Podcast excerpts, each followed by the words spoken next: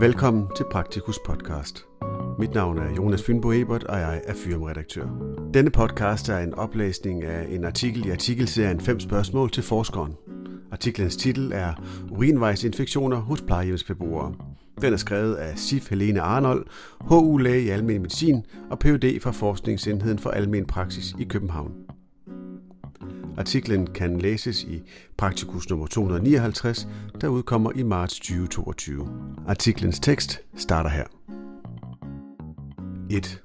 Hvorfor er det relevant for den almen praktiserende læge? Urinvejsinfektioner, UVI, hos plejehjemsbeboere er noget, vi ser rigtig meget i almen praksis.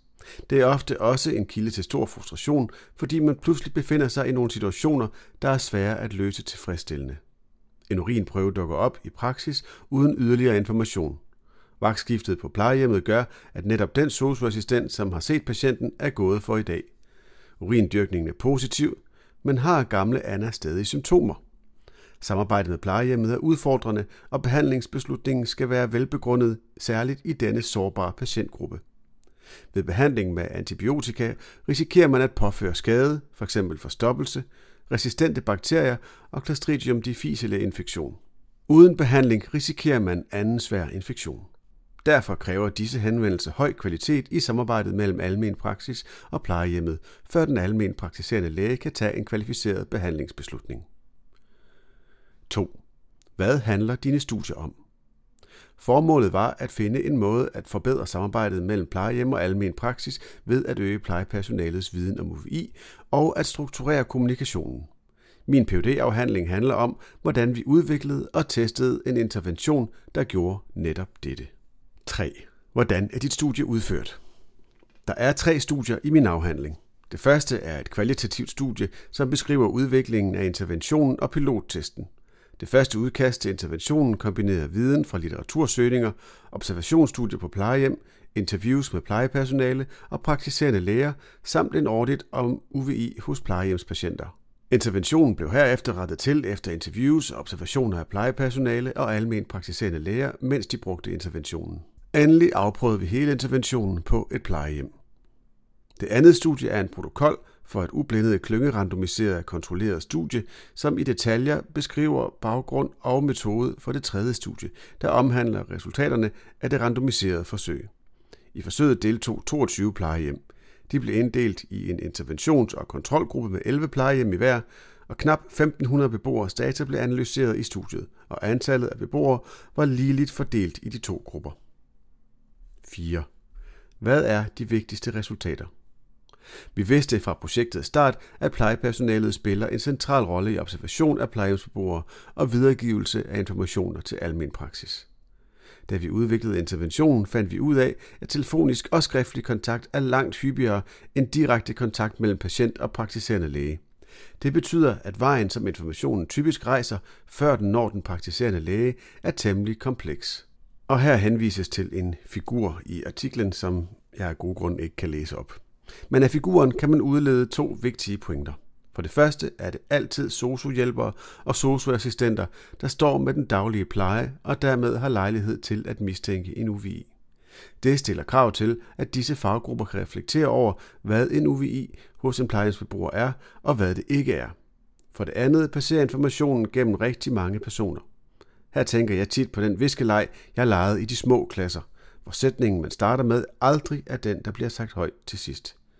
Pointen er, at hvis man skal undgå forglemmelser og misforståelser, bliver man nødt til at have en struktureret tilgang, hvor de kliniske observationer bliver noteret ned. Vi endte med at lave en intervention med 75 minutters undervisning af plejepersonalet i UVI hos plejehjemsbeboere og brugen af et dialogværktøj, som skulle bruges ved mistanke om UVI.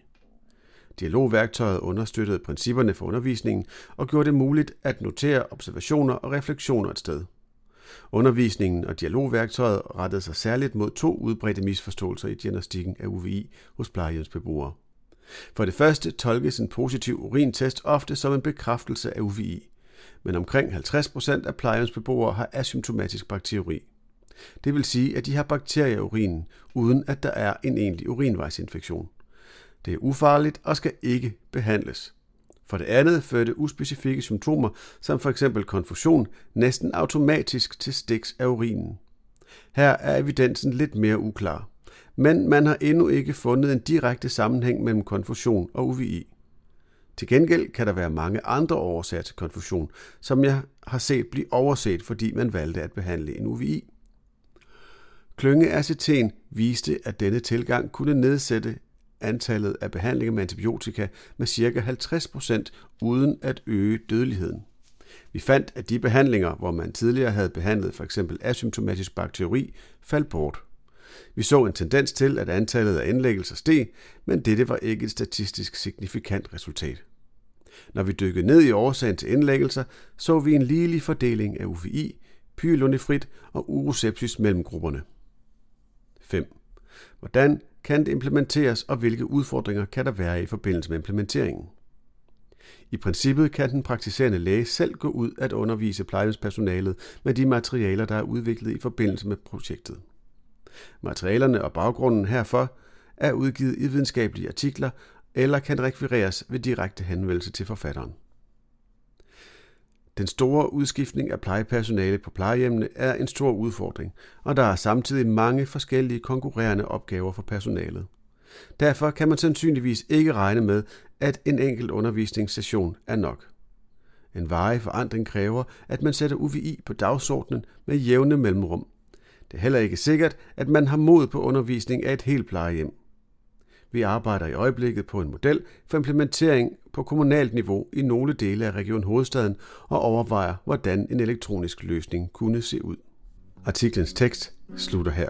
PhD-afhandlingen blev forsvaret i december 2020, og vejledende på projektet var Lars Bjergum, Anne Holm, Jette Nygaard Jensen, Marius Brostrøm Kovsgaard. Projektet blev præsenteret ved PhD Cup på DSM's årsmøde 2021 og artiklen kan læses i Praktikus nummer 259, der udkommer i marts 2022.